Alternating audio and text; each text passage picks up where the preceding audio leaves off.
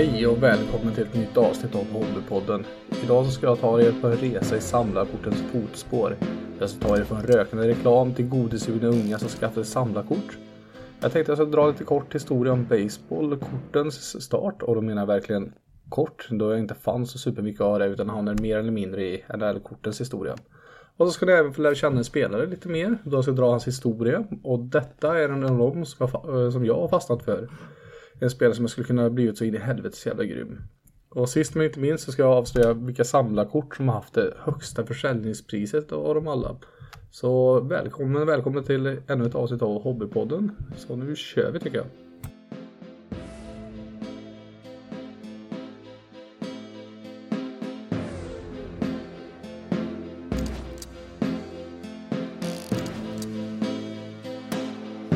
Så, då tänkte jag att vi ska börja med den här resan som fick oss nördar att fastna för det som vi har fastnat för. Så därför tänkte jag att jag hoppar in i tidsmaskinen, reser tillbaka till 1860 då det var där som de första samlarkorten kröp fram från tryckplåtarna och det var ju baseball som dök upp först. Och det är även i baseball som det dyraste samlarkortet har sålts med. I början av 90-talet så, föl så följde de flesta baseballkorten med i cigarettpaketen. Ja, och det var ju typ eh, det jag har fått fram om baseballkortens historia. Men ja, det var inte så mycket. Men det dyraste kortet får ni alltid ha väntat på där. Så jag tänkte att jag drar i slutet där så kan vi få med från den andra historien där också. Deras dyraste kort där. Och från sandplaner så tänkte jag att vi hoppar till frusna sjöar. Och då tänkte jag att vi hoppar givetvis till hockeykortsdelen. Där vi hittar ännu mer information. Och det är kanske inte så svårt att slå den informationen från baseballdelen där. Men eh, som som så börjar vi med företaget Imperial Tobacco som var först med att lansera just hockeykort. De, de hade hockeykort för att få köparen att välja ett cigarettmärke. Så med varje paket cigaretter så fick man ett hockeykort med. Och det här höll i sig ända fram till 1920-talet då det gavs ut massvis med cigaretthockeykort. Eh, 1921 så började även livsmedelsföretagen skicka med hockeykort i sina produkter. Första kortet från NHL kom ut 1921 och det var ett kort på William Patterson.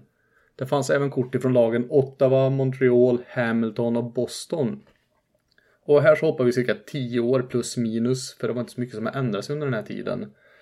Eh, och då hoppar vi fram till 1933 och då var det hoppade OPG, en kanadensisk godistillverkare och började lägga med hockeykort i deras tuggummipaket. Och jag hade absolut ingen aning om att eh, OPG var ett godisföretag. Kanske jag läste det här. Men men, så är det i alla fall. Och de höll på mm, med det ända fram till andra världskriget. Och där tog det givetvis stopp i cirka 10 år. För att det var en ganska hemsk period där. Och så det dröjde ända fram till 1951. Eh, tills hockeykorten fanns med på marknaden igen. Och det var via Parkhurst som började ge ut korten årsvis. Och det var ju lite olikt hur det, det varit innan. För innan så hade det bara skickats ut nya kort hela tiden med olika cigarettpaket och sådana saker. Men nu kom det ut års eh, eller om man säger så. Det var lite lättare att samla på det kan jag tänka mig. Eh, och de var den enda korttillverkaren på marknaden ända fram till 1954. Då de båda godistillverkarna OPG och Tops startade sin tillverkning av hockeykort. Tops körde på lagen Boston, Chicago, Detroit Red Wings och New York Rangers. Sen runt 1958 någonstans där så startade de båda godistillverkarna ett samarbete med utgivning av hockeykort. Men det varade bara i två år. 61 till 67 gav OPG och Tops ut oberoende serier. 64 så slutar eh, Parkers upp med sin hockeykortsdel. Så 1968 började Tops och OPG ett nytt samarbete med hockeykort. Där båda tillverkarens kort såg likadana ut, men att OPGs kort bara såldes i Kanada medan Tops kort såldes i USA. Och denna modellen, som, som de kom överens om, den höll sig ända fram till 89-90. Fast mellan 82 till 84 så gav Tops enbart i sina serier klistermärksform, ungefär som Panini-korten och här som finns i fotboll och hockey och så. Eh, så kommer vi in på 90-talet och då kommer vi till kända tillverkare som till exempel Pacific Pinnacle Upper Deck. Och de kommer att slå sig in på marknaden där. Och så var det med fram till 00-talet ungefär där. 04-05 så var det lockoutsäsongen L. Så då ställdes mycket av korttillverkningen ner under den här säsongen. När ligan väl kom igång igen så tecknade Upper Deck ett riktigt exklusivt avtal på fem år som gav dem ensamrätt inom NHL. Detta blev eh, förödande för eh, flera korttillverkare som gick i konkurs. Och idag så har Upperdeck köpt upp rättigheten att ge ut kort med de tidigare företagens namn. Så som till exempel Fleer, OPG, Pacific och Parkers. Eh, Tops fokuserar idag på andra samlarkort marknader medan In the Game är den enda rivalen till Upper in the Game har tecknat in flera individuella avtal med spelare samt eh, CHL, AHL och, och det kanadensiska, kanadensiska ishockeyförbundet. Och de ger ut en del olika serier varje år gör de. Eh, 73 till 74 så förbjöds hockeykort med slagsmål på. Eh, men detta kringgick ju de eh, genom att börja släppa sådana bilder från farmarligorna då, det, då NHLs regler inte gällde där. Så det är lite spännande hur de gör. Första hockeykortserien som släpptes i Sverige då? När kom det? Jo, eh, det kom eh, 1932 och det var Marabos sportserie som släpptes då. Eh, ja, det här var ju lite kort om hockeyns historia så jag hoppas att ni verkligen inte har tröttnat på mig här än i alla fall för jag har massa andra godissaker att ta här. Så vi kör vidare.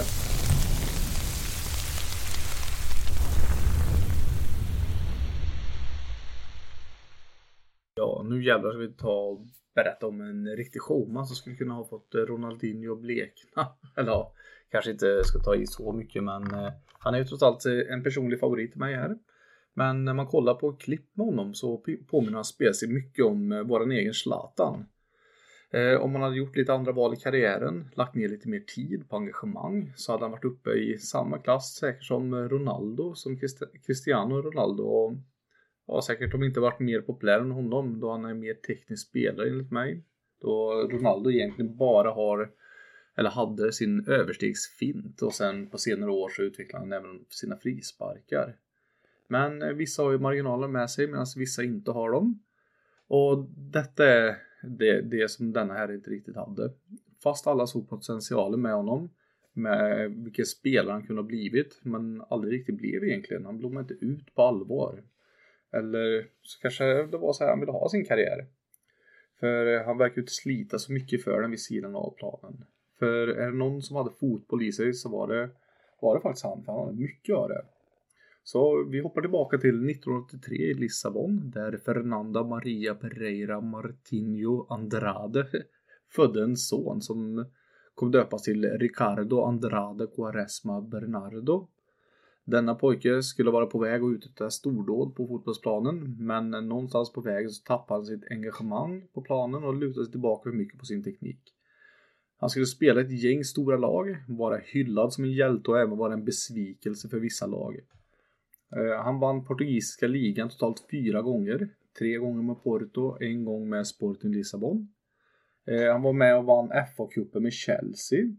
Och så tog han även hem Serie A två gånger med Inter, där han även vann Coppa Italia. Och krönte säsongen med att ta hem hela Champions League. Och så vann han även turkiska ligan och turkiska cupen. Som ni hör, så han var med och vann mycket under sin resa. Så 2016 så var det nog krona på verket när han var med Portugals landslag som vann hela EM 2016. Det är lite häftigt faktiskt. Eh, enda laget han inte var med och vann eh, något med, det var med Barcelona, dit han kommer från Sporting. Eh, han bytte, bytte därifrån, från Barcelona till Porto och bytet det var mot eh, Deco. Så det är nog mer folk än bara jag som såg potentialen i denna unge herre. Eh, under portotiden så fick, han en, fick en annan herre upp ögonen för honom och det var ju José Mourinho. Så när han tränade Inter så plockade han med honom dit och det var nog bra drag för det skördades lite titlar de åren där när han var i Inter där. Eh, det var en riktig showmans historia som var med och skördade titlar som inte många i världen kan vara i närheten av. Men ändå inte riktigt fick den stjärnstatus som han egentligen skulle vara värd. Men eh, det kanske har det med att göra att han gillar att försöka få det att se snyggt ut mer än vad att vara en lagspelare hela tiden. Eh, nu för tiden så är han klubblös sedan förra året. Och sista laget han spelade i det var i portugisiska ligan i ett lag som heter Vitoria SSC. Så jag hoppas att det här fick ett litet sug i alla fall och klicka upp Youtube och skriva in Ricardo Quaresma där och kolla lite på klipp med honom för att eh, han gör riktigt häftiga saker. Om ni tänker Zlatan fast eh, en kille som är 1,75 istället och väger 74 kilo så har ni Quaresma faktiskt. De påminner riktigt mycket om varandra. Så in och kolla på honom där så kommer ni ha en, ja, i alla fall 10 minuter, en halvtimme med klipp och serier med honom där. Då vore det skitkul om andra fick upp ögonen för honom också. Och nu har jag kommit fram till den delen här i podcasten här som jag ska avslöja de dyraste samlarkorten som har sålts genom tiderna.